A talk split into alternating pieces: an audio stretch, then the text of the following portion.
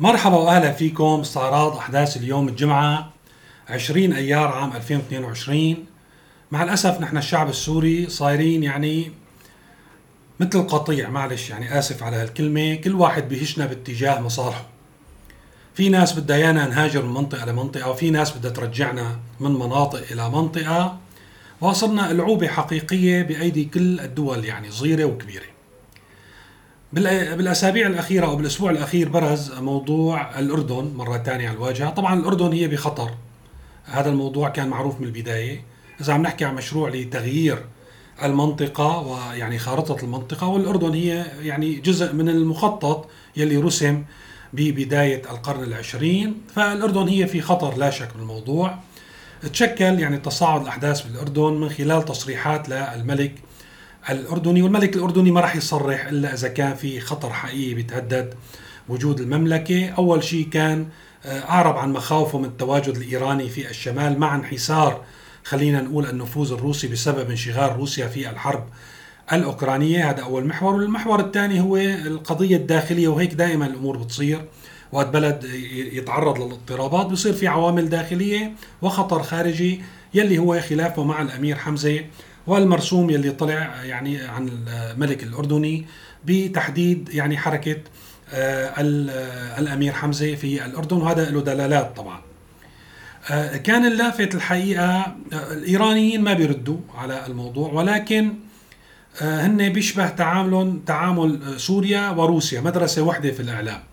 ما بيطلع مسؤول يعني بيصرح تجاه مثل هذه التصريحات ولكن بيمرقوا من خلال مقالات الرأي أو بينقلوا إلى آخره رسائل عبارة عن مقالات رأي ولكن فيها رسائل واضحة آه، يعني ممكن نفهم منها شو هو التوجه العام. إيران كان ردها شفت أنا هذا الموضوع أكيد منشور بغير وسائل ولكن أنا شفتها بقناة العالم بأنه عم تقول آه، خاصة بالفقرة الأخيرة من هذا المقال إنه الملك الأردني أنت شوف شغلك شوف إنه أنت وصايتك على الأماكن المقدسة بفلسطين وكيف رح تخسرها والأهم من هيك قالوا له إذا أنت يعني شايف آه، إنه نحن بنشكل خطر عليك فأنت اللي بتشكل خطر علينا عفوا على سوريا. تذكر غرفة الموك وتحالفك مع الأمريكان وأنت واجهة أو وكيل الأمريكان في المنطقة. وتذكر دعمك للإرهابيين في في سوريا أو الفصائل المتشددة. شو معنات هذا الكلام؟ يعني أنه إيران أيضا تنصب اليوم نفسها حامية لسوريا. ليس فقط من إسرائيل وإنما من الولايات المتحدة الأمريكية ووكيله الأردن في المنطقة، يعني هذا معنى الرسالة يلي لازم نفهمه. وهذا بيعطيها ذريعة إضافية لتعزز نفوذها في المنطقة، عموما المنطقة الجنوبية لحتى يعني نفهم نحن شو بده يصير بالمستقبل، لا يمكن إنه تكون بهذا الشكل يعني. نحن في مناطق مثلا مثل قوات سوريا الديمقراطية. اسعاف في مناطق مثل عم تسيطر عليها قوات سوريا الديمقراطية في استقرار نسبي في سلطة واضحة وفي يعني مثل ما قلنا صارت شبه آه، دويلة في إلى برلمان وإلى انتخابات ودستور إلى آخره. ولكن المنطقة واضحة درعا والسويدة بالتحديد لا يمكن أنه تكون على هذا الشكل.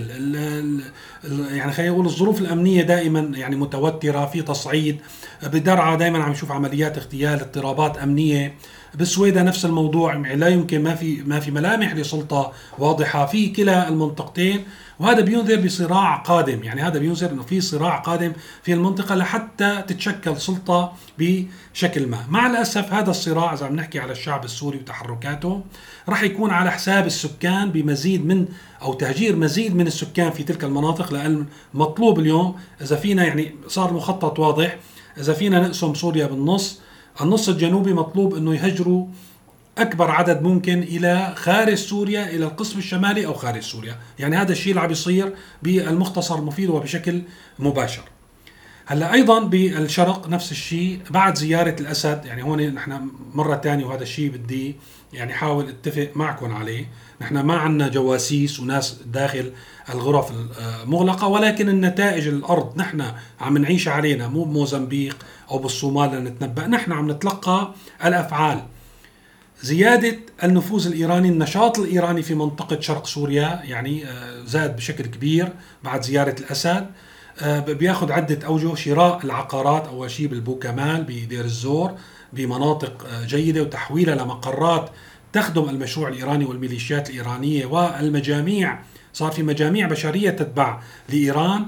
هذا بيقودنا لحتى نحكي على موضوع التنسيب بينسبوهم بالميليشيات بيعطوهم فوائد بيحموهم من إنه ينسحبوا على الخدمة الإلزامية بيعطوهم رواتب أعلى بالنسبة للشباب من خلال النشاطات الثقافية والمجتمعية الزواج والطعام وإلى آخره. أيضا بيكسبوا السكان المحليين. الزعامات المحلية بيبعتوها على إيران شهرين ثلاثة لتصير منسجمة ويغسلوا لهم دماغهم ويصيروا منخرطين. يعني شيء منظم تمام بهذا الموضوع. بالإضافة إنه بعد عملية المصالحات ومثل ما فهمت من مصادر محلية آه، وخلص اللي بده يرجع من السكان الأصليين يرجع لحتى يدخل في حظيرة النظام ويدفع اللي عليه ويروح على الجندي والآخره.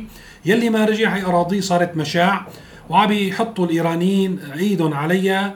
بمساعدة النظام السوري، فإذا هيك الأمور من الشرق إلى الجنوب إلى الوسط مثل ما حكينا قبل يومين حزب الله موجود في دمشق. ما بنستثنيها دمشق أنا برأيي مرة ثانية هي الهدف الرئيسي من كل ما يحدث وصولا إلى شمال دمشق إلى جنوب حمص إلى القصير وربطوها مع الهرمل وبعلبك يعني المشروع صار واضح من كمال مثل ما حكينا قبل هالمرة.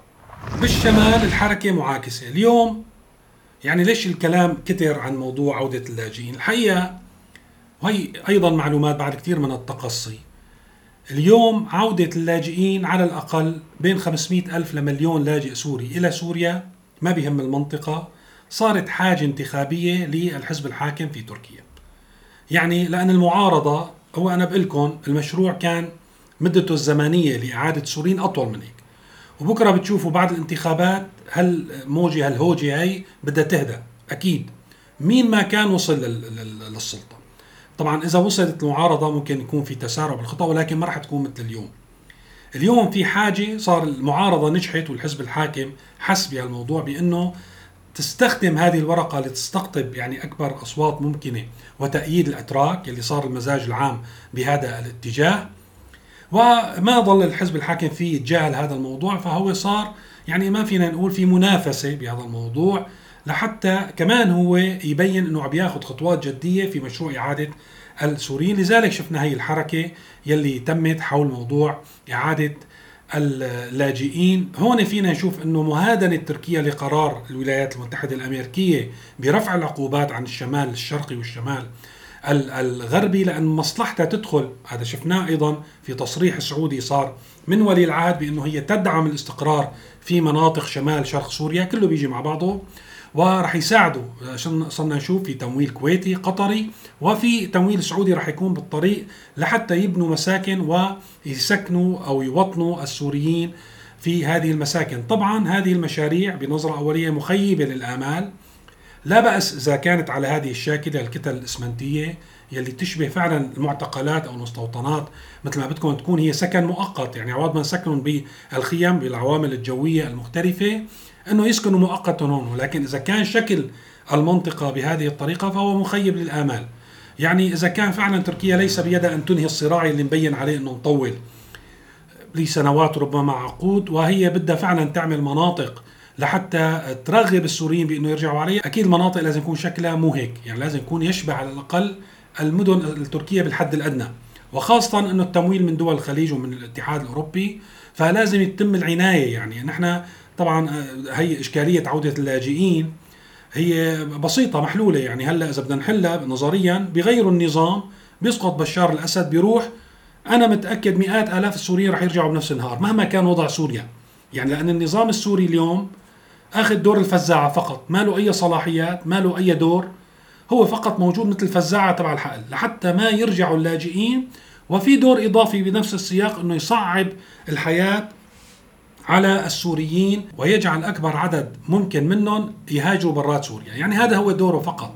والأهم هو الفزاعة، إنه الفزاعة هي طبعا الأمنية والفزاعة المعيشية، يعني هذا الموضوع مهم كثير بإنه هو اليوم يأخذ دور معطل يأخذ دور حزب الله في لبنان نفس الشيء هو هون معطل لاي تحسن قد يطرأ على حياة السوريين بالعكس شهر بعد شهر مهما سمعتوا هذا الشيء يعني بتمنى صار عندكم ثقة بهذا الكلام اللي أنا عم ردده من أشهر إنه حتى لو اجى اليوم نفط ببلاش لو اكتشف بحر نفط اليوم راح يضل الأسعار ترتفع ويزيد وينقص يزيد من الأسعار وينقص من الكميات لأن بده يجعل المعيشه صعبة. يعني ما قادر يضل غير يلي ما عنده أي حل تاني.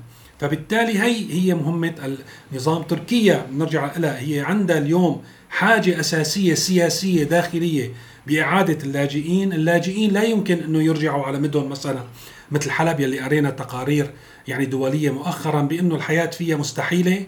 وهذا نموذج يعني هذا بيوصلنا لنفس النقطة تبع النظام ودور النظام. خمس سنين يعني النظام في حلب ما عمل أي شيء بالعكس المدن ما يعني الأحياء ما زالت مدمرة الخدمات غير متوفرة الكهرباء ما يعني ما وصلت ابدا لمعظم الأحياء في حلب. الوضع الأمني إذا قلنا والله هو ما عنده موارد طب هالميليشيات اللي عنده هالقوى الأمنية المشهور فيها شو عم تعمل؟ الوضع الأمني سيء جدا الجرائم منتشرة الاشتباكات بين الميليشيات يعني عيشة لا تطاق ما عرفانين الحلبية كيف بده يطلعوا من هالمدينة لبراتها لأي مكان؟ آخر فاذا عودة السوريين إلى المدن غير غير يعني ممكنة لعدم توفر الإمكانيات المعيشية وبيوتهم لساتها مهدمة. كيف بده يرجعوا ما في قدامه غير هالمناطق في الشمال يلي هي ضمن المخطط. فإذا هذا يلي عم يصير بسوريا بشكل أو بآخر. بالإضافة أنه إيران يعني هذا ما ننسى نحكي دائما توفر الذريعة ل تعزيز سيطرة إسرائيل على الأجواء. يعني إسرائيل راح يكون لها حصة كبيرة أنا برأيي في المستقبل ولكن اليوم هذه السيطرة جوية. يعني اليوم كان في تصريحات للناطق باسم الجيش الإسرائيلي بأنه والله انتبهوا إيران عم تستخدم مطار دمشق الدولي. آه، عم بتجيب شحنات أو عم تستخدمه من خلال سمت بعض الأسماء. هلا هذا التصريح لحاله هو بيعطيها ذريعة لحتى تقصف المطار أو يعني تستهدفه بأي شكل من الأشكال. الوجود الإيراني رح دائما يعطي ذرائع لإسرائيل لكي تستهدف ما تريد بدون أن يستطيع أي جهة دولية أو أممية تعترض على هذا الموضوع لانها هي بتصير عم تدافع عن نفسها.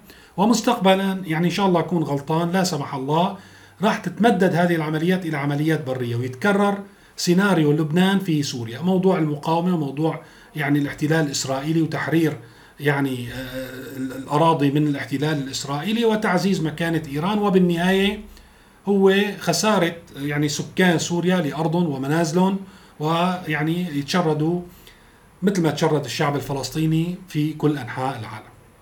هذا كل شيء بدي أحكيه اليوم. شكرا لمتابعتكم وإلى اللقاء.